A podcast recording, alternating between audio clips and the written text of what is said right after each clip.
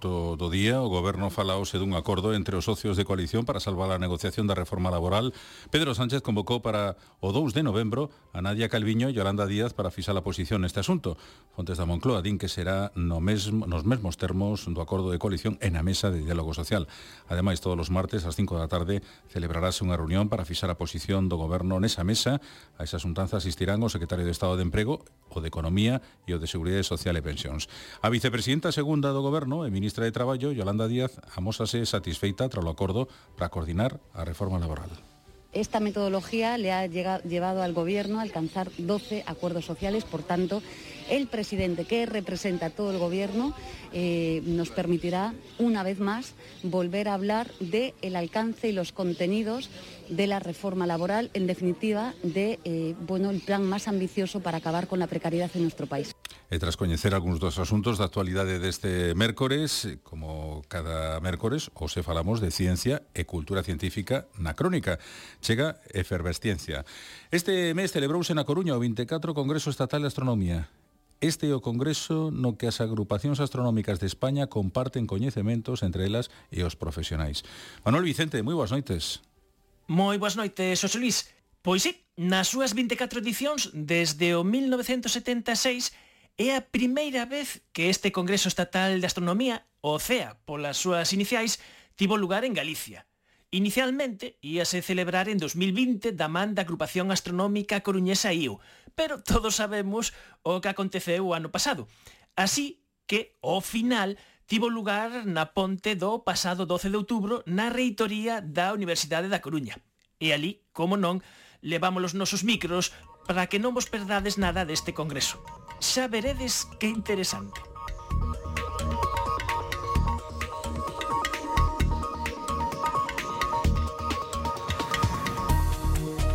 Moi boas noites, un saúdo de César Goldi, Martín Pauli e Manuel Vicente. Somos o equipo de Efervesciencia.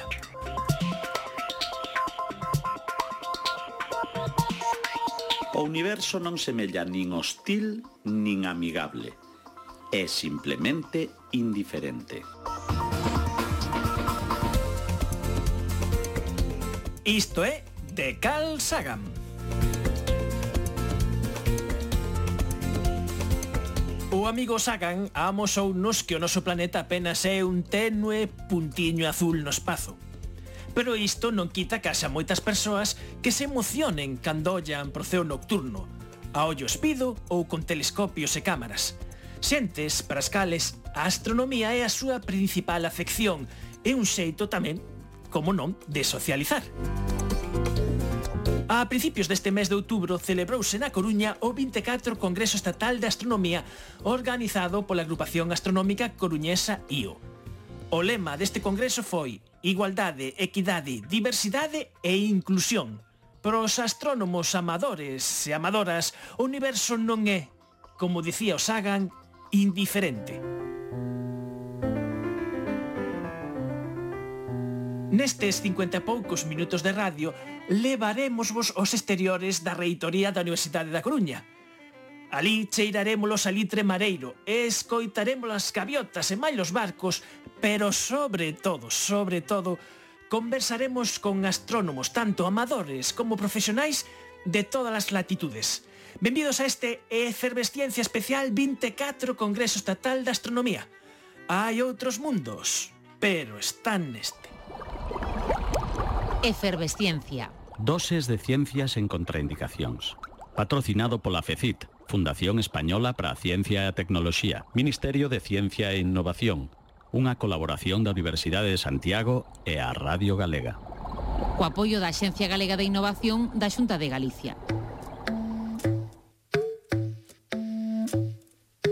Non comprendemos o mundo no que vivimos ata que o vemos nun mapa Isto pasou con Galicia, con mapa de Fontán, que dixo Otero Pedrallo, que non comprendeu que era Galicia ata que veu ese mapa.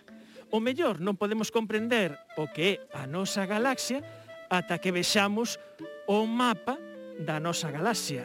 E hai un trebello que está no espacio e que xa leva uns cantos anos que precisamente eso, está a cartografar as estrelas da Vía Láctea. Minia, Ana e Ruth moi boas. Boas. Boas. Boas.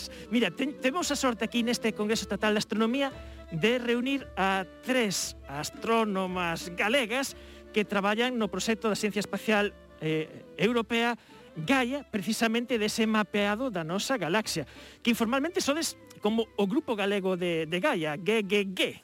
Algúnas me contaron isto, non sei se iso é un, un grupo informal de, eh, de Telegram WhatsApp ou hai algo máis. Pues, pues no, es cierto que usamos muy habitualmente esas siglas, ¿no? Eh, somos un, un grupo pequeño dentro de lo que es el consorcio internacional que procesa los datos de la misión Gaia, y somos un grupo radicado en La Coruña, pero con contribución de la Universidad de Vigo por parte de Ana Ulla y de la Universidad de Cantabria por parte de Ruth Carballo, que aunque está en Cantabria, es gallega. Y bueno, fundamentalmente lo que hacemos es procesado de datos y toda la astrofísica que podemos con los datos de Gaia. El procesado de datos y la extracción de información del satélite Gaia lo hacemos utilizando técnicas de inteligencia artificial y de análisis estadístico con la gran fortuna de que en nuestro equipo, pues una parte principal, el peso mayor, lo lleva un grupo de ingenieros informáticos formados en la Universidad de La Coruña y liderados por Carlos Dafonte, que es el jefe de grupo, y que realmente nos ha dado esta herramienta mágica que es la, inteligencia artificial y que nos da un valor añadido a la hora de interpretar y trabajar con la información del cartografiado de la, Vía Láctea que está haciendo Gaia. Minia Manteiga, efectivamente, da Universidade aquí da Coruña. E, e cando falábamos contigo, xa hai tempo que falamos de Gaia, que volver a facer unha cousa así con, con máis fundamento, nos contabas que a vos, a vosso grupo, cando se repartiron as tarefas, porque este é un proxecto que xa o tempo de deseño é moi amplo, chegaste esos últimos e vos dixeron, bueno, vos tedes que analizar as cousas que non se sabe ben que son. O sea, unha vez que as cousas que xa son fáciles, as doadas, digamos que os caramelos xa escolleron outros, non? Pois moi cierto, é cierto. La verdad es que Eh, al principio nos sentimos un poco fastidiados, pues, ¿qué es esto del el análisis de outliers de clasificación? Es decir, de objetos que no se han podido clasificar de forma sencilla, por, sencilla o complicada por otros paquetes. Pero luego pensamos, esto es una gran oportunidad porque ahí está todo el potencial de descubrimiento de, de un survey masivo como es Gaia, ¿no? Y todos los objetos novedosos, raros, eh, también la basura espacial, entre comillas, nos va a tocar a nosotros. Lo cierto es que nos ha llevado años, pero nos hemos hecho un hueco en el consorcio y pues tenemos la confianza de, la parte gestora de, del consorcio y hemos ido aumentando nuestro trabajo y nuestras responsabilidades en el seno del mismo y ahora pues eh, estamos pensando en hacer clasificación no supervisada, es decir, clasificación no basada en modelos de todo el survey. Esto supone una gran potencia de cálculo, aún estamos negociando con, pues, con el equipo de Toulouse, de, del CNES francés, a ver si los ordenadores que tienen ellos a disposición del consorcio dan de sí para hacer este trabajo, pero eh, bueno, pues lo cierto es que hemos ido progresando, entre comillas, dentro del consorcio. No relatorio, precisamente, no que estaba desas tres neste Congreso Estatal, a Ana explicou un poquinho que cousas nos va abrindo eh, os datos que se van liberando de Gaia. E resulta que dicíamos este mapa da nosa galaxia, que a nosa galaxia resulta que é máis grande do que pensábamos. Bueno, a verdade é que os resultados que saliron e, e no, se están contando como os máis gordos, digamos, porque publicacións hai de resultados científicos, hai, non sei por, por cuántas vamos, pero cientos delas, eh, e, e do, dos que contamos esta mañán, efectivamente, así, a grandes pinceladas, hai algunhas cousas que foron sorprendentes para ben, eh, e moi espectaculares e realmente dá moitísimo gusto ver que despois de tantísimos anos de traballo, unha organización tan complexa, tantísima xente de tantos países, tantos milleiros de millóns investidos, porque non é só o lanzamento dos satélites, sino son as horas e horas de traballo da, da xente que traballamos e o diñeiro que fai falta para organizar para moitas cousas, para os ordenadores mismos. Entón, eh, casi a, a, veces dis, non sabes para onde mirar, mira que nós estamos dentro, non? eh, que a galaxia é caníbal, porque comeuse unha, que non é o único caso, que eh, tuvo encontronazos e um, cando se choca, por decirlo así, con, con outros, pois pues se activa a, a como se chama A formación estelar, exactamente.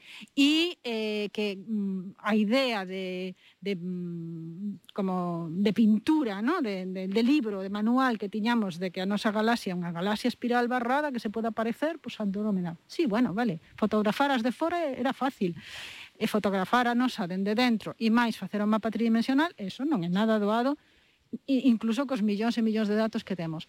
Pero sí, polo visto, vai ser máis grande do que era. Os brazos están por decidir cuántos, como e donde.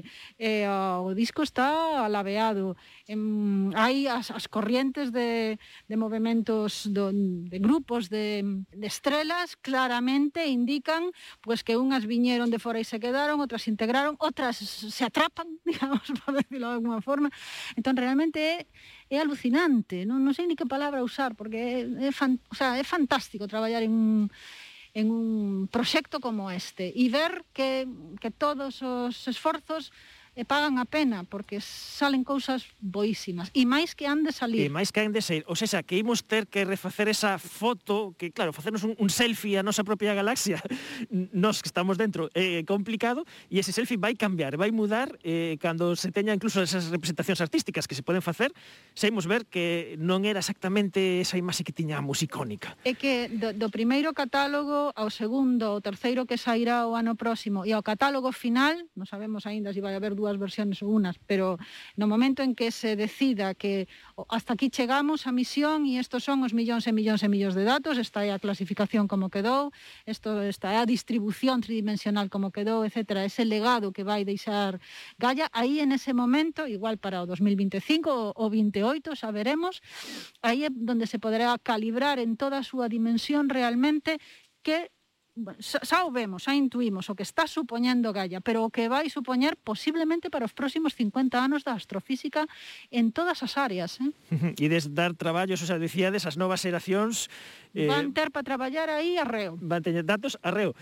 E, e quedanos por contar un, un pouquiño polo miúdo, polo miúdo non, ao revés, un pouquiño por enriba, porque se polo miúdo eh, temos que dedicar eh, todo o programa, toda a noite a falar de Gaia, e máis que podemos, eh, o, as achegas que, que contou Ruth na, na charla compartida e, e ti falabas, bueno, isto Gaia está deseñado para detectar eses, esas estrelas puntuais, saber onde están, como son, pero claro, de paso, todo o que cae na rede é peixe e na rede caen outros peixes. Sí. Que outros peixes caen nesa rede de Gaia? Pois pues, eh, caen os cuásares, que son moi importantes, eh, para, eh, as galaxias tamén. As galaxias eh, ten que... De, de, eh, perdón, hablo gallego mejor, hablo castellano mejor, porque tengo máis confianza, máis seguridad. Eh, para las galaxias son las galaxias eh, que tienen un gradiente central eh, importante, que tienen fuerte pendiente, porque está diseñado para puntuales, pero a posteriori, no de, forma automática, pero sino en el procesamiento, se pueden hacer mapas de, fotometría superficial que permiten sacar las características de las galaxias con una resolución que sin precedentes, eh, especialmente para el caso de las galaxias anfitrionas de los cuásares, que desde Tierra resulta prácticamente imposible, solo se puede hacer para objetos, mm, para varios, no para millones, como se va a hacer. Y después, desde el punto de vista de los cuásares, que son como estrellas, ahí tiene toda la facilidad para llegar a las magnitudes más profundas con espectros, con variabilidad que nunca se, de una forma homogénea se pudo estudiar la variabilidad como se va a poder estudiar. Y después también tener un sistema de referencia, eh, inercial único, que solo existía en radio y va a estar en el visible con las mismas características. Y, y, ver unos movimientos ah, eh, que no se podían ver, como la caída, de, la caída del, o sea, la aceleración del baricentro del sistema solar respecto al centro galáctico, o sea, movimientos que son eh, de, una, de un nivel residual que eso eran práctica, era imposible de estudiar y se van a medir con más precisión, porque a más datos, eso. Eh, Basicamente, isto así, para facer unha traducción rápida, se non o entendín mal, é eh, que o noso sistema solar eh, dentro da, das coordenadas da, da, do centro galáctico, pues estamos desplazándonos moi ligeramente, non? Sí, sí, tenemos unha, unha velocidade de de atracción hacia él y una velocidad de rotación y ese equilibrio, bueno, hay un equilibrio pero hay una rotación. Podíamos estar falando de Gaia moito máis tempo, pero claro, quedáramos en que fosa isto unha intervención curta, porque además me chamou a atención que decíades este, este fluxo de traballo, porque vos para facer o vosso traballo, outros teñen que facer outro traballo, ese va, é unha cadea de produción, en vez de fabricar coches, vos fabricades coñecemento, e o deixades accesible. E só quería facer un par de comentarios agardo que, que, que rápidos. Eh, aquí no Congreso está o, o destinatario fundamental son eh, astrónomos afeccionados. Eh, inda que os datos en bruto de Gaia eh, poden ser accesibles, el xa mm, sabía que vos pedía datos. Oi, datos, datos, cando liberades non sei que, cando liberades non sei canto. Non sei se iso é unha sorpresa dicir que ante este, esta audiencia tan interesada, non que diga, bueno, a ver, estamos agardando esas velocidades radiais desas estrelas, cando van sair? Pues sí, la verdad es que hay mucho entusiasmo eh, de, de toda la comunidad amateur. Eh, por los datos de Gaia y es normal porque la, variedad y la utilidad que pueden tener es enorme. Eh, pues por un lado, la, las, la búsqueda de estrellas variables, claro, teniendo información de Gaia, ellos pueden ayudar muchísimo a completar y a complementar esas curvas de luz y de hecho siempre ha sido así, siempre ha habido mucha colaboración entre profesionales y amateur. Luego está el tema de las velocidades radiales para detectar órbitas eh, en objetos que se mueven unos respecto a otros o la búsqueda de asteroides. Eh, que Gaia está contribuyendo, pero eh, muchas veces para delimitar bien las órbitas hacen falta más medidas y esto todo pues lo complementan muchas veces con su tesón y su empeño en buscar esos días sin nubes que, que, tienen los, los aficionados ¿no? y, y, que nosotros a veces no tenemos esa capacidad pues porque trabajamos dando clases o lo que sea. ¿no? Y, eh, es, normal que les interese. Yo, si fuera aficionada, que también lo soy, estaría muy interesada por los datos de Gaia. Y son públicos, están en abierto, hay muchos tutoriales, yo animo a todo el mundo a que lo intente, que mire lo que hay en Internet sobre cómo usar los datos de Gaia. Y eh, si alguien tiene alguna duda y nosotras tres, cualquiera de nosotras puede ayudar, pues que, sepáis que aquí estamos para, para eso también. y, outra cosa que ven que aprovechaste o, o, o congreso este, bueno, que vistes tamén as novas xeracións, que tamén deron as súas, as súas charlas e que eh, comentabades aí que, que vos gustara moito, que, que novas astrónomas, que así xa non só dependemos de vos, e, e que novas astrónomas este, estean aí, e que estean comentando as súas investigacións. E mira, e que incluso chamoume a atención no, que había unha exposición aí de cúpulas, e, e Minia, ti dixestes, mmm, vou preguntar a ver como, como están, que nos pode interesar aquí para facer alguna cousiña. Pues sí, la verdad es que la, las nuevas generaciones son mejores siempre que las viejas generaciones. Aquí eh, pues el nivel aumenta y, la forma de trabajar es, eh, estas chicas empiezan tirando fuerte desde el principio, ¿no? Y la charla de, Isa Rebollido lo demostró. Está en un centro puntero haciendo su postdoc en, en, el Space Telescope Institute en Baltimore y nos dio una charla preciosa, muy interesante y muy bien enfocada al público que la estaba escuchando, la verdad. Eh, pues sí, la astronomía en Galicia, a pesar de que tenemos estos cielos que tenemos y de la climatología, siempre nos ha interesado y, y si podemos miramos al cielo y en la universidad estamos pensando en la posibilidad de poner un, un telescopio, pues mmm, con la excusa, vamos a decirlo así, de hacer un telescopio inteligente, ya que hay una facultad de informática donde trabaja gente en robótica y en inteligencia artificial, pues se nos ocurrió, entre comillas, y esto lo digo en voz bajita, no se oiga mucho vale, por ahí, vale, vale. esta posibilidad. Seremos confidentes. eh, no, pero, pero que, que bo proxecto, además é un bo reto desde Coruña que ten os ceos que ten, ten que ser moi inteligente para, eso, eso. para ver as cosas, o sea, que un bo banco de probas.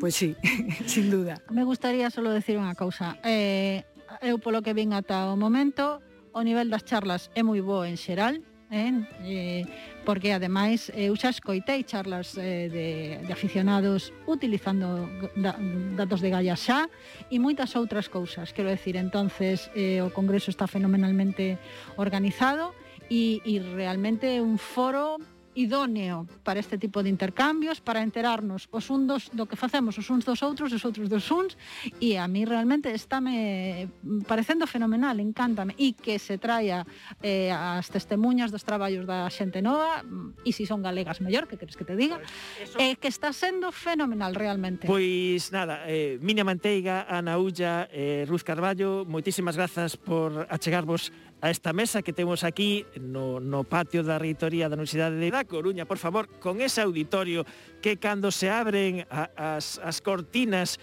vese, vese impresionante. Absolutamente impresionante, como que nin Hollywood o podían facer mellor, pois pues, bueno, desde aquí nos despedimos. Moitas grazas as tres. Gracias, gracias, a, ti, a ti. A ti, gracias a ti.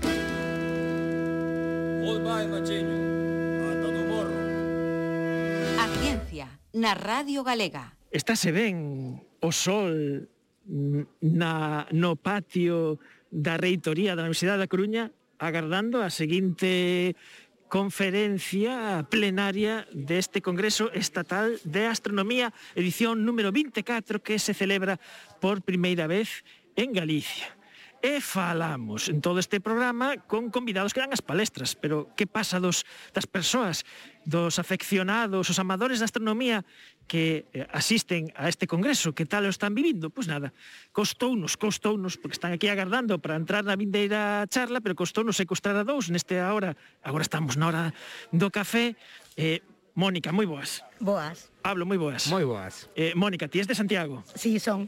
E, eh, Pablo, ti máis polo sur? De Vigo, efectivamente. De Vigo, eh, sodes afeccionados a astronomía. Eh, Mónica, tes contacto coa xente de Santiago? Bueno, sí, teño contacto ca agrupación Vega de Santiago e, eh, bueno, tamén coñezo por referencias por outros eventos astronómicos a xente eh, da agrupación de Rías Baixas, de Io, Sirio, e, eh, bueno, a todos en xeral. Ti, ti de calés, Pablo? Eu son de Rías Baixas, pero sí, a verdade é que xa fai moitos anos que, que a astronomía en Galicia pois estamos todos como moi ben avenidos e, e facer xuntanzas e facer observacións todos xuntos pois, pois nos coñecemos todos, os que somos de Galicia prácticamente todos. E bueno, estamos xa no Ecuador deste Congreso Estatal de Astronomía, que cousas vos prestaron máis para tomar o pulso, porque nós facemos a nosa selección xornalística das cousas que nos chaman máis atención, pero o mellor non coincide a nosa escolma coa vosa. Que, que foi as cousas que máis vos prestaron? Empezamos polas, se vos parece, polas ponencias. Eh, bueno, eu a primeira que se fixo que foi a inclusión da astronomía en canto a, a velo de outra forma, porque sempre asociamos a astronomía con mirar para o ceo, e eh, bueno, na primeira conferencia eh, unha das persoas que a dou eh, era evidente, o cal eh, a, com, a complementariedade da astronomía ca inclusión neste caso estaba perfecta e creo sinceramente que foi unha das mellores que tiven hasta ahora e que e que realmente eh, fala eso, do complexo do tema da astronomía, pero tamén do, de como se pode complementar con calquera situación, con calquer colectivo, con calquera cousa. Está en todo, por decirlo así. E, e ti, Pablo, que, con que te quedas? Eh, se te digo a verdade, máis alo das, das ponencias e das, e das conferencias, o tema de Gaia tamén me parece increíble o que se está avanzando con ese con ese ingenio con ese ingenio espacial, pero a verdade é que despois de todo este tempo pois así un pouquiño todos moi separados polo tema pandémico, pois volver a volver a toparse coa xente, volver a a ter sesións en persoas, en ter que ser por medios eh, digitais, a verdade é que o que máis estou disfrutando, volver a toparme co, cos compañeiros, coñecer xente nova. Eh, xa digo, me gustoume a nivel de ponencias, o tema de Gaia me parece que é revolucionario a día de hoxe co, co que se está facendo a, a nivel de mapeo da Vía Láctea e todas estas estes avances. É, é un gustazo poder compartir, eh, hai moita xente galega, obviamente, tamén xente de fora, me imagino que tamén eso, hai xente que xa se coñece de outros encontros e como dis, tamén eh, xente nova, ou seja que a cousa vai se renovando, está o de facer tecer rede, esta noite como todos os congresos haberá CEA, e logo tamén están as sesións paralelas que había xente que me dicía que o que acontece en todos os congresos que, que se precen é que as paralelas o complicado ás veces de escoller onde caes, porque dis, ai, gústame todo. Non sei se vos pasa a vos. Sí, moitas veces tes que a veces casi casi que tirar moeda ao aire, non? É decir, bueno, pois eh, interésanme as dúas, a ver a cal, a ver por cal a cal vou, non? Eh, a min, por exemplo, a última que tiven de sesións paralela con Leo, con Leonor Ana, de astroita, de debuxo astronómico, bueno, eu descubrín que, que son capaz de debuxar unha galaxia, que, que sempre me centei na astrofotografía, eh, con catro indicacións que nos deu, pois hai unha galaxia, unha, un debuxo dunha galaxia ben, ben xeitosa. Pensei que ias decir, eu descubrín que son quen de debuxar. Efectivamente, tal cual. Estaría a miña, a miña profesora de, de plástica do colexo ou do instituto alucinaría coa galaxia que me saiu. Sí, sí, sen dúbida. Pois Mónica e Pablo, moitísimas grazas por deixarvos secuestrar porque por aquí tiñamos moitos colegas vosos que mm, botaban para adelante en estilo fanfarrón. Vai, vou falar na radio, vou falar na radio, pero ao final nada. Eh, nada, grazas e eh, nada, seguida así a gozar do, do congreso e eh, vémonos. Unha aperta moi grande. Moitas Moitas grazas. Un saúdo, chao. ¿Que ayudarte puedo, Obi-Wan? Estoy buscando un planeta que me ha descrito un amigo. Yo me fío de él, sin embargo el planeta no aparece en los archivos. Hmm. Un planeta el maestro perdido. ah. ¡Qué embarazoso! ¡Qué embarazoso! Hmm. Liam, la luz. Reuníos en torno al lector de mapas. Despejad la mente y el planeta díscolo de Obi-Wan encontraremos. Debería estar aquí, pero no está. La gravedad atrae a las estrellas de la zona hacia este punto. Hmm. De la gravedad la silueta permanece, pero la estrella y los planetas desaparecido han. ¿Cómo es posible?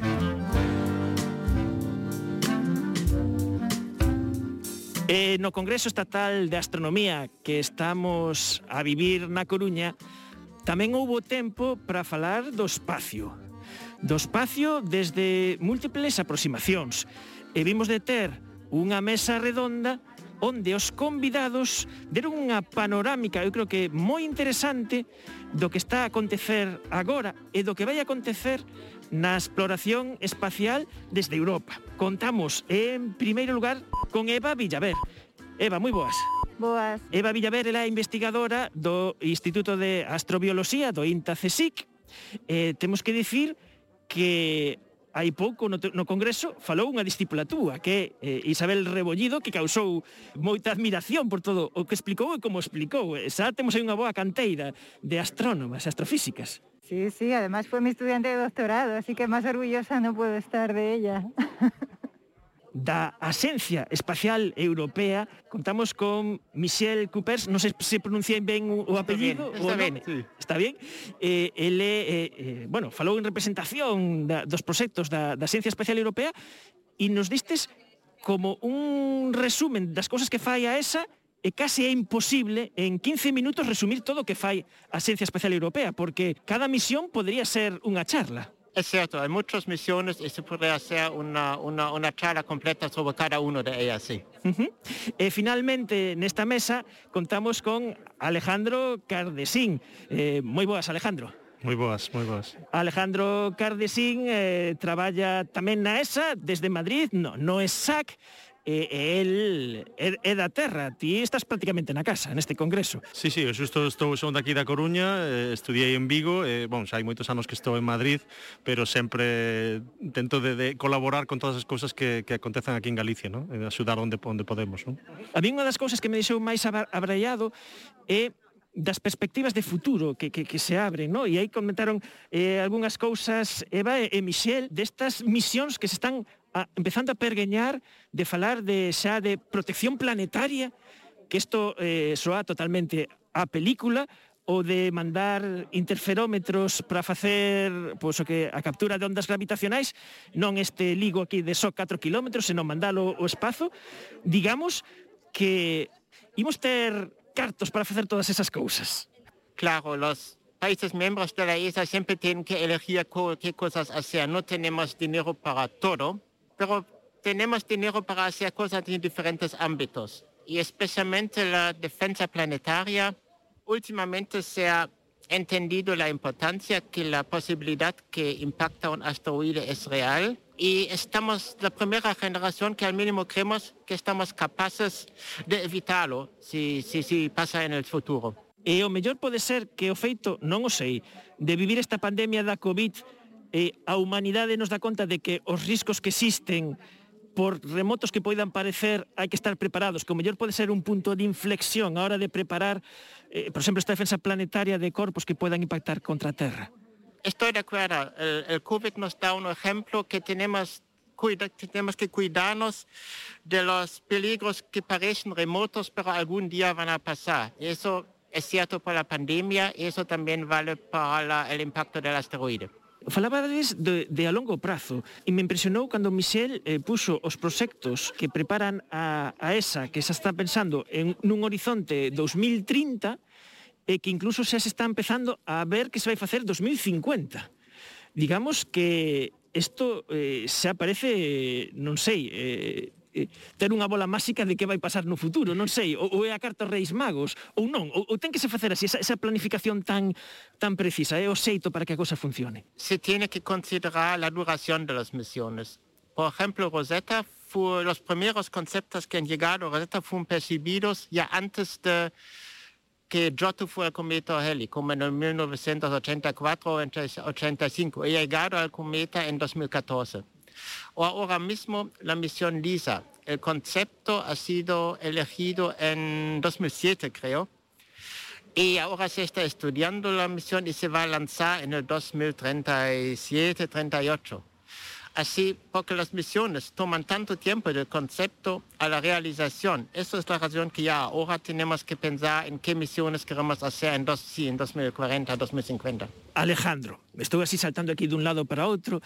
Ti onte ademais tamén estiveches eh, nunha mesa da Sociedade Europea de Ciencias Planetarias. E, e dicías este público deste congreso de astrónomos afeccionados que había oportunidades eh, de utilizar infraestructura científica profesional de aplicar para ter, por exemplo, tempo de telescopios, eh, tempo de telescopios bastante decentes, que é unha cousa que, que o mellor non é moi coñecida. Sí, de feito, unha das razóns pola que, polas que estamos aquí é de intentar conectar a comunidade profesional, dos investigadores profesionais que, como, como nós que traballamos disto, no? con, con xente como estes afeccionados que temos aquí un exército de voluntarios que están a facer un traballo increíble, increíble non só de divulgación, que é o, o principal, no? de transmitir a, a paixón pola, pola ciencia, pero tamén todo ese tempo de observación que tamén pode ser moi útil para, para, para nós, para os, eh, para os científicos profesionais, de con esas observacións complementar a nosa, eh, a nosa ciencia, os nosos descubrimentos, e despois por iso temos tamén que, eh, para nós é moi interesante que eles tamén aprendan a usar os nosos telescopios, as nosas infraestructuras, e construir eses pontes que podan, poidan servir para, para mellorar a comunicación entre as dúas comunidades profesionais e amateur. Ou e falabas de casos prácticos, ti que tes, eh, estás medio en Marte, medio en Venus, polo teu traballo, eh, sí, sí, andase eh, por aí en Marte, que estades, eh, bueno, que está ese satélite que está aí dando voltas a Marte da, da ESA, o, o 3 eh, Orbiter, eh, como que non sale ben o nome, e, uh, e que vos... Eh, estudiades fenómenos moi locais eh, cando se produciu unha megatormenta aí en Marte que, que, que se sabía que se iba a producir e vos interesaban os eh, observadores afeccionados sí que tiñan esa visión panorámica, estaban lonxe e vían o bosque, vos víades as árbores. Sí, exactamente, iso aconteceunos varias veces, non? Que estábamos eh, cando diseñamos as misións estábamos sempre intentando resolver dúbidas de de de de cousas moi moi específicas, non? Pero quizáis foi un erro no no diseño das misións que olvidámonos de de ver eh, o bosque como destino.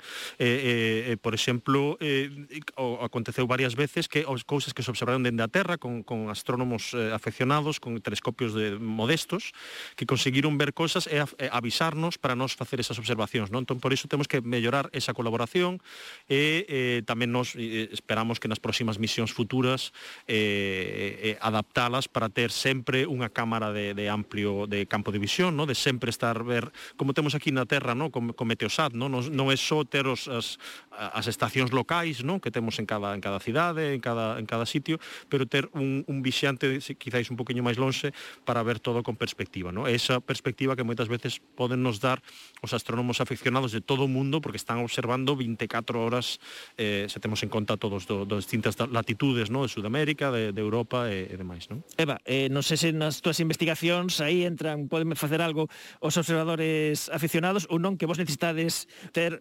telescopios desde desde fora da da da, da Terra.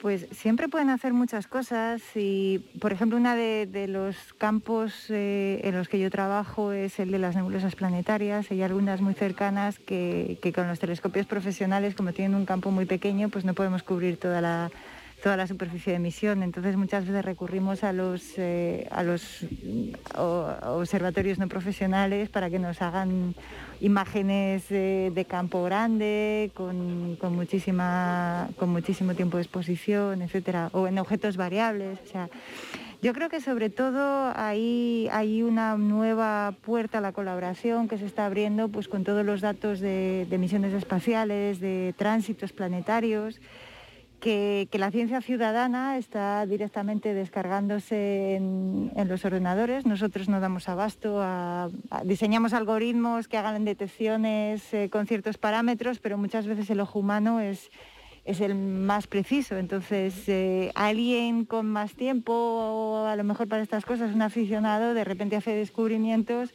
que nosotros no hemos tenido la oportunidad de hacer y yo creo que esa, ese tipo de colaboraciones están siendo muy fructíferas y muy bonitas, ¿no? Para todos, para nosotros y para, y para el ámbito no profesional. E, e falando despois da voso da, da vosa charla, había unha persoa que tiña man levantada, que ao final que é un Marisa Castiñeira, que unha amiga tamén de Efervesciencia, que dixo, ai, non me deu tempo a preguntar eh, estas grandes misións da ESA, cales son os criterios que se toman para, para tomar a decisión final? porque su supoño que habrá uns criterios científicos, eso fundamental, tecnolóxicos de posibilidade, pero tamén entra en xogo aí, pues, supoño, en certa medida, a política, a, a forza de quen a propón, de quen non a propón, os países, eso é non sei, xeopolítica espacial, non sei como como é eso. Como, como é ese, esa composición de chegar a un acordo de os recursos que sabemos que son limitados de tomar esa decisión final. Sí, um, la base de las, de las misiones es que hay propuestas de la comunidad científica. Cuando hay un, un, call for proposals, hay típicamente unos 20, 30, 40 propuestas y están elegidos de su mérito científico, de sus costes, que, la, que, la coste, eh, que el coste encaja en el límite que hay para el tipo de misión y de la madurez tecnológica. Estos son los criterios básicos. Y después, por, la, por el payload, por los instrumentos, también es importante que los Estados miembros de la ESA que contribuyen los instrumentos de las misiones tienen el interés y el, el dinero para contribuir a estos instrumentos. Eu estou pensando que aquí en España estamos moi preocupados sempre coas Olimpiadas, de que se si se presenta Madrid as Olimpiadas e non sei que, que teñamos que o mellor estar máis atentos de os proxectos internacionais, neste caso de Ciencias do Espacio, os que nos presentamos e que se consigan participar nesas colaboracións, que a mí me parece que é polo menos tan importante como sedes de deportes. É unha reflexión. Alejandro, non sei como ves. Sí, por, por, pola miña parte, eu son coordinador da comunidade planetaria de, de ciencias planetarias aquí en España e un dos obxectivos é ese, é que España lidere tamén algún destes proxectos. Non? Xa temos agora mesmo participación en prácticamente todos os proxectos espaciais de todos os niveles, pero si sí, verdade que por diversos eh, problemas que tamén por historia, non? Hai outros países máis máis potentes históricamente, e España estaba chegando aí nos anos 2000, 2010 estaba chegando xa a primeira primeira división, pero por causa da crise non pudemos eh, tivemos unha, unha, unha baixada de fondos importante, no? pero o, o obxectivo que temos agora como comunidade non é eh, em, eh, ser coñecidos internacionalmente, porque xa, xa somos, somos temos persoas clave, eh, temos aquí, por exemplo, a Eva Villaver, que é unha, unha, unha das científicas máis importantes eh, aquí de, ast de astrofísica no noso país, pero unha das cousas que nos falta é liderar eses proxectos tamén, no? con, eh, ter investigadores principais de, de, de misións planetarias, en particular polo que me toca, pero de, de todos os niveis. No? Estamos aí eh, metando, empezando a meter a cabeza para xogar na liga, por exemplo, de, de, de Alemanha ou de, ou de Francia, no? que por historia e por presuposto pues, teñen máis... Eh, eh, máis historia, ¿no? máis participación. Non sei se Eva quere engadir algo. Sí, en España yo creo que también tenemos el problema de la financiación. O sea, al no tener una agencia espacial española, pues eh, los proyectos espaciales están sujetos a son, como hemos visto, proyectos que van a muy largo plazo, a lo mejor se propone ahora y hasta dentro de 30 años no, no, no se lanzados al espacio y durante esos 30 años hay que someter el proyecto a una, a una financiación que, que sea estable. Entonces, con el modelo de financiación que tenemos en España para este tipo de proyectos es muy difícil ser investigador principal y no quedarte literalmente mm, expuesto a, que de, de repente tu, tu, tu, comunidad, o sea, tu, tu, fuente de financiación te diga, pues este año hay crisis y no te financiamos. ¿no? Entonces eso a nivel internacional nos hace quedar muy mal a veces y, hay capacidad de liderazgo, hay capacidad de, hacer eh, tecnología, de hecho formamos parte de, los consorcios internacionales desde hace muchos años, eh, desde, por ejemplo desde el INTA se han colocado estaciones meteorológicas en Marte. Se, forma parte de los instrumentos que hay ahora en el James Webb, eh, desde muchas instituciones españolas, el DIA, el IAC, el CAP, eh, universidades, en Gallas formamos, tenemos un papel fundamental, pero nos falta la espinita de, de liderar un proyecto como investigadores principales instituciones españolas. é complicado competir con outras eh, con outros países que saben que teñen fondos para os próximos 10, 15, 20 anos para este tipo de misións que tardan pois iso 30 anos en en en acometerse, non? Entón moi complicado co coa maneira co, co que se fan os os orzamentos eh, do Estado, dos plans eh, eh, estatais de de investigación é moito é moi complicado. Que 30 anos é unha carreira dun investigador, que dicir que para plan propoñer un proxecto destos, xa tens que ser un investigador consolidado, 30 anos, que dicir que o mellor o ves, o mellor mm, tes a xubilación e eh, non chegas a ver os resultados. Sí, de hecho los proyectos eh, de misiones grandes son proyectos de futuro que son proyectos para investigadores jóvenes, o sea, son proyectos para gente como Isabel Rebollido, ¿no? O sea, que, o sea, es la gente que tiene que liderar esos proyectos a 30 años porque ahora están en, en, en el momento en el que van a construir lo mejor de su carrera y son la gente que tiene que liderarlos, ¿no? La gente joven, brillante, que, que está por ahí suelta en el mundo. O sea, que tenemos que, que, generar las condiciones desde aquí para que se puedan volver y, y lideren cosas fantásticas, ¿no? Que ideas no les faltan y, y capacidad tampoco, ¿no? Temos aquí unha parte da mesa de exploración espacial do Congreso Estatal de Astronomía da Coruña eh, e pudemos eh, falar pois un anaquiño con Alejandro Cardesín, moi boas, con, con Eva Villaver e tamén con Michelle Cuepers. Kuepers. Moitísimas grazas aos tres. Muchas gracias. Gracias, gracias. ¿Por qué está todo el mundo tan nervioso? Se acerca un cometa. ¿Y qué? Arderá en contacto con la atmósfera y lo que quede de él no será mayor que la cabeza de un chihuahua. No, si a lo mejor tienes razón. Claro que la tengo. Y si no la tengo, que nos caiga algo del cielo y nos aplaste horripilantemente.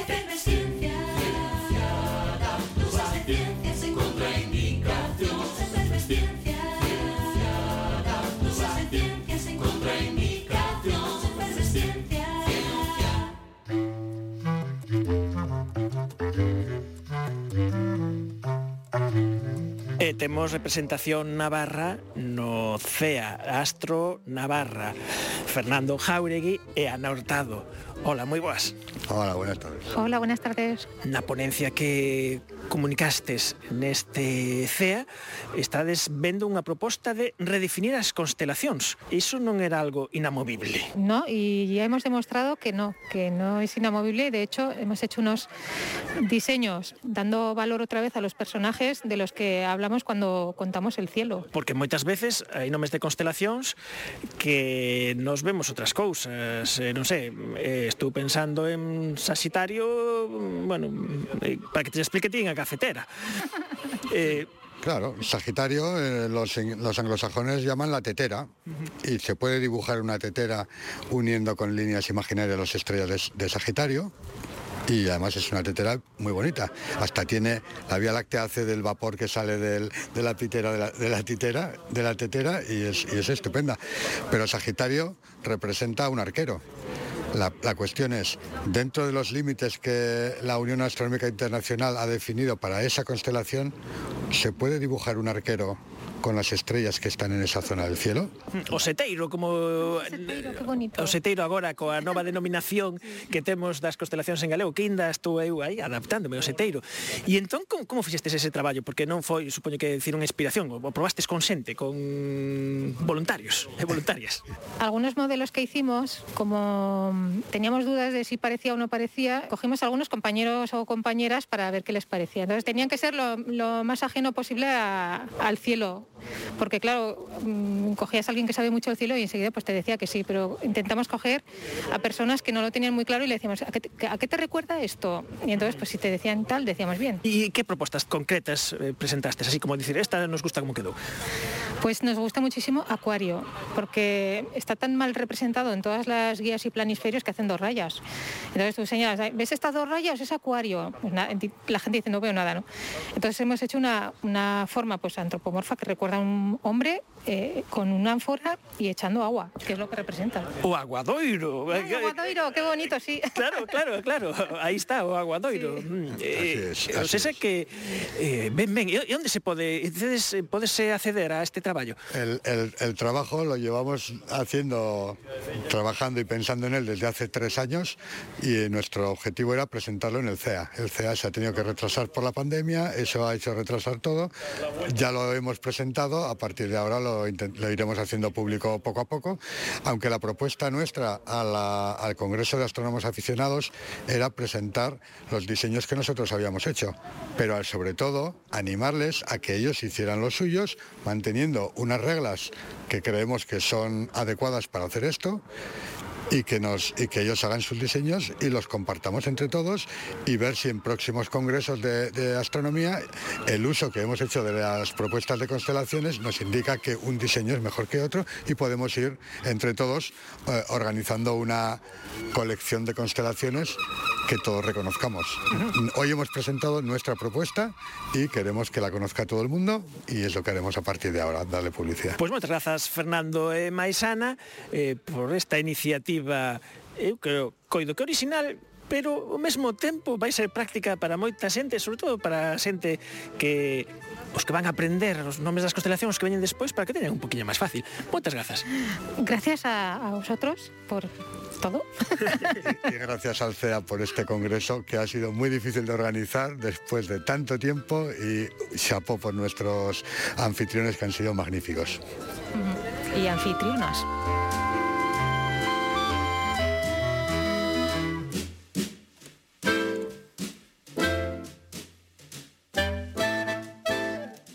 convidados que maior expectación chamou neste Congreso Estatal de Astronomía é Pedro Duque. Pedro Duque, moi boas e benvido aos micrófonos de Efervesciencia. Buenas, eh, non sei como contestar, bien, bien hallados. Aí está, moi ben, porque levamos, claro, estamos estes 4 días no Congreso eh, e eh, eh, nos eh, informos eh, que nos saímos ao aire pola noite, o sea, que nos polas noites, pero se ve que Pedro Duque ten experiencia polos medios. Por que será? Bueno, en outras cousas, é eh, eh, enxeñeiro aeronáutico, eh, foi recentemente eh, ministro de Ciencia eh, e Innovación e aquí neste Congreso Estatal de Astronomía participou na mesa na que estivemos falar agora cos, con algúns dos poñentes sobre exploración espacial. E, e o que viñeches a contar aquí, os participantes no Congreso, é unha mensaxe que queres transmitir de que a ciencia, aparte de ser coñecemento, tamén xenera unha industria detrás. E diches exemplos moi concretos de cousas que se fixeron nos últimos anos. E algún deles que, que atinguen a Galicia. Pois pues sí, sí, concretamente eh, en Galicia el ejemplo que habíamos puesto era el desarrollo de los buques oceanográficos, que ha tenido mucho auge a causa de que el CSIC le encargó a una industria de Galicia hacer un buque oceanográfico y les costó mucho trabajo y tuvieron mucho que pensar y de ahí han sacado el, el negocio posterior. O Sarmiento de, de Gamboa, que iniciou aí, decías, no 2006, e eh, nos casi dos primeiros programas que fixemos foi nese buque oceanográfico que sí. ademais tamén levamos os nosos micrófonos fora eh, e nós queríamos que fixese moito ruido para que se notase que estábamos fora dos estudios e nos dixeron, non, non, este é un barco eléctrico está diseñado para non facer ruido bueno, bueno, se si vas a la Es eléctrico, pero todavía tiene unos generadores diésel eh, que, que, son los que hacen la electricidad. Así que también hay, hay sitios del barco donde se puede ir que sí, hace bastante ruido, pero aún así, desde fuera el barco es silencioso y mag magnífico.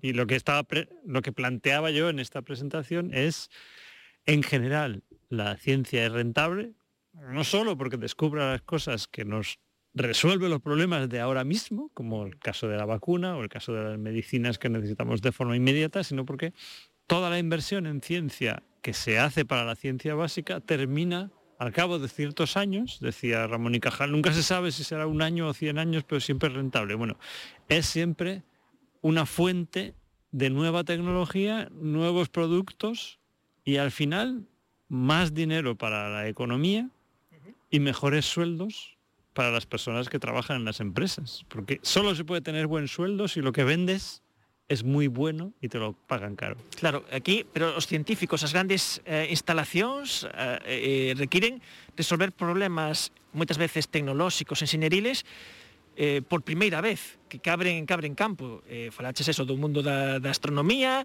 eh, está pues, a construción naval está o CERN, está o LHC eh, O, o quizáis o, o, o problema é que eh, a nivel teórico mellor se pode ter claro, pero ahora de eh, desde unha responsabilidade política e, tal como eh, as, son as planificacións, antes falábamos de que eh, na mesa anterior de que a ciencia a esa ten proxectos ata 2030, xa está pensando 2050. E, e, eh, quizáis é todo un reto ter esa perspectiva temporal tan amplia, ¿no? Sí, yo pienso que no se puede culpar al representante político de que carezca de esa eh, perspectiva amplia o esta perspectiva a largo plazo, de trabajar por las siguientes generaciones. Tiene que concienciarse, a la sociedad. Y la sociedad tiene que exigir al representante político que de eso hable en sus programas electorales y después cumpla. Si la sociedad no sabe que invertir en ciencia lo que hace es procurar mejores oportunidades a sus hijos, Si eso no hemos conseguido que ocurra, falta también eh, no, no, se puede exigir al político que lo hagan. Temos os políticos que, que, que, que, que serán a sociedade, está claro. Quizáis o mellor está por ver que pasa neste punto de inflexión de, de, da pandemia, non da, da COVID, que fixo que a ciencia se convertirse informativamente como os deportes, como o fútbol, non? O, o fútbol hai un, eh, infórmase do partido, do antes e do despois. E o científico se lle pediu información en vivo de mm, que estás facendo agora e que estás facendo dentro dunha semana, que é algo que antes non, non existía queda no aire si esta, esta necesidade de sociedade que, que vemos de, da necesidade da ciencia si vai a ser un punto de inflexión, esa falamos desta palabra, a, a COVID ou non? Ti como ves? Ti crees que vai cambiar esa mm, esa interiorización da importancia da ciencia e que os resultados é unha canteira, é como a canteira do fútbol, que tardan anos en verse. Espero que sí, lo que pasa es que sí que es cierto que hay que, mmm, hay que ayudar a la gente a hacer una extrapolación, es decir, hay que ayudar a la gente a que con este gran servicio inmediato que nos ha dado la ciencia en, el caso de la COVID, creando vacunas y, dándonos los tratamientos, etcétera, con eso llegar a comprender que todo lo demás, pero a plazos más largos, también proviene del conocimiento científico. Y que si todos los aparatos, ingenios y, y cosas que necesitamos para la vida que las queremos porque son mejores y porque son más avanzados, si todo lo tenemos que comprar fuera, cada vez nuestro nivel de vida tendrá que ser necesariamente menor. Eh, a min, ás veces, eh, cando traes a moitos científicos e investigadores, dase un certo paradoxo, que que queremos fomentar as vocacións científicas eh, na xente nova, especialmente nas nenas, para determinadas carreras tecnolóxicas, e, sin embargo, cando falamos cos investigadores, hai moitas veces en moitos ámbitos que se sinten maltratados, eh, maltratados ou mellor polos conhecimentos da sociedade, polo difícil eh, que é facer a carreira investigadora, polas trabas burocráticas, ¿no? Y entonces hay ese, ese, mm, esa especie de contradicción, ¿no? De necesitamos eh, que a sociedade teña máis cultura científica, necesitamos esa canteira de, de nenos que se quedan dedicar á ciencia, pero si vemos o que din os propios científicos de como se sinten tratados na, na vemos que hai un, un, unha certa decir de mm, non nos vemos como prioritarios, hai moitas cosas que mellorar, ¿no? Como ves ti esa circunstancia? Sí, lógicamente eso está un poco relacionado con lo anterior. Si no cerramos el círculo, si no convertimos en tecnología y en productos nuevos los conocimientos que adquirimos, el círculo no se cierra. Es, hay que siempre ir alimentando con recursos públicos.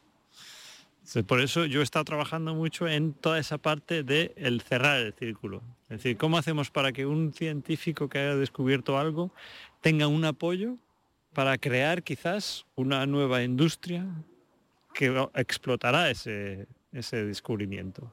Entonces hay que, hay que dar más acceso al capital, por ejemplo.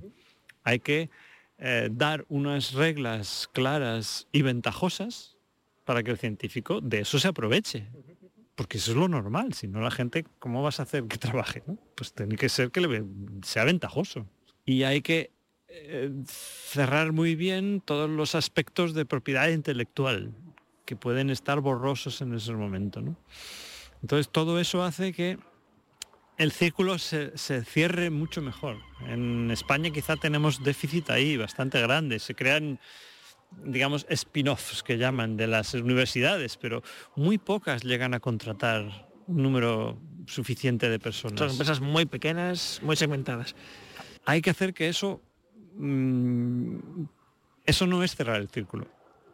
Esas empresas vuelven a, a vivir en muchos casos también de los fondos públicos. Entonces, todo ese, e, el crecimiento de todas esas empresas que surgen de los conocimientos científicos hace que se cierre el círculo.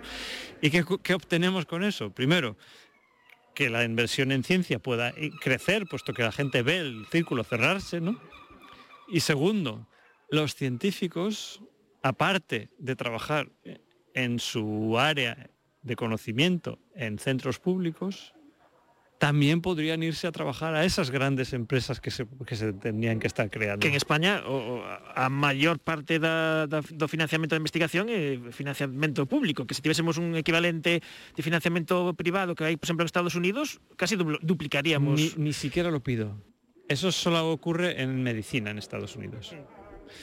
Lo que, lo que yo creo que nos falta y podemos perfectamente conseguir con las últimas medidas eh, puestas en marcha es que se cierre el círculo y que los científicos tengan oportunidad también de salir a la industria y, y, desarrollar su trayectoria en una industria que está produciendo y que está ganando dinero. Y que la industria saiba que, que ten... No que, no que la industria dé dinero para la ciencia, sino que la industria gane dinero con la ciencia. Que, Esa es la idea. Que saiba que, que ten talento, que ten doutores, que ten enxeñeiros, que pueden aportar verdadeiro valor as, as, as industrias. Pois nada, estivemos a falar, a conversar un anaquiño con, con Pedro Duque, bueno, eh, enxeñero aeronáutico, astronauta, ou se non tocou falar de, desa, de esa parte eh, da súa vida, e eh, ata hai un anaquiño, pois o responsable do Ministerio de Ciencia e Innovación. Moitísimas grazas por atender os micrófonos de Fermestín. Gracias, muchas gracias a vosotros.